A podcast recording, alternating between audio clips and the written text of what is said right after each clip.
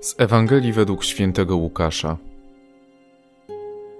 Kiedy Jezus przybliżał się do Jericha, jakiś niewidomy siedział przy drodze i żebrał.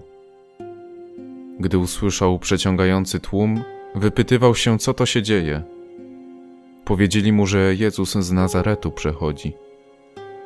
Wtedy zaczął wołać: Jezusie, synu Dawida, ulituj się nade mną. Ci, co szli na przedzie, nastawali na niego, żeby umilkł. Lecz on jeszcze głośniej wołał: Jezusie, synu Dawida, ulituj się nade mną. Jezus przystanął i kazał przyprowadzić go do siebie. A gdy się przybliżył, zapytał go: Co chcesz, abym ci uczynił?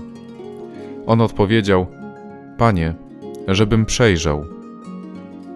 Jezus mu odrzekł: Przejrzyj Twoja wiara cię uzdrowiła. Natychmiast przejrzał i szedł za nim, wielbiąc Boga.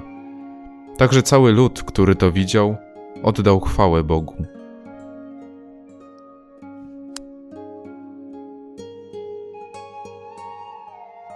Usłyszana przed chwilą Ewangelia może być dla nas łatwa do wyobrażenia. Żebrzący człowiek do tego niewidomy, który odważnie woła za Jezusem, a później zostaje uzdrowiony i idzie za nim. Piękna scena pokazująca miłosierdzie Pana do tego, który o nie prosi. Ten właśnie obraz może i dla nas stać się tak głębokim doświadczeniem, jak w przypadku niewidomego. Analizując tę perykopę, dajemy sobie szansę na zmianę naszego życia. Brak wzroku u mężczyzny był dla niego czymś bardzo uciążliwym i wykluczającym go ze środowiska. To wielkie utrapienie znika przez miłość Chrystusa do człowieka. Gorliwa prośba dała uzdrowienie, co niejako przywróciło tego człowieka do świata. Tak samo może stać się i w naszym przypadku. Nie chodzi tutaj o jakieś sloganowe teksty czy puste słowo o przełomowym nawróceniu w naszym życiu. Postarajmy się raczej o coś drobnego, ale ważnego Niech nasze wołanie do Boga będzie świadome i pełne gorliwości. Dla Niego nie ma rzeczy niemożliwych.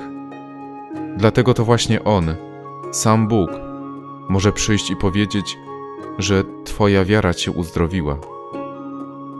Doskonale wiemy, jak wzrok jest przydatny w naszym życiu i jak mielibyśmy ciężko bez niego.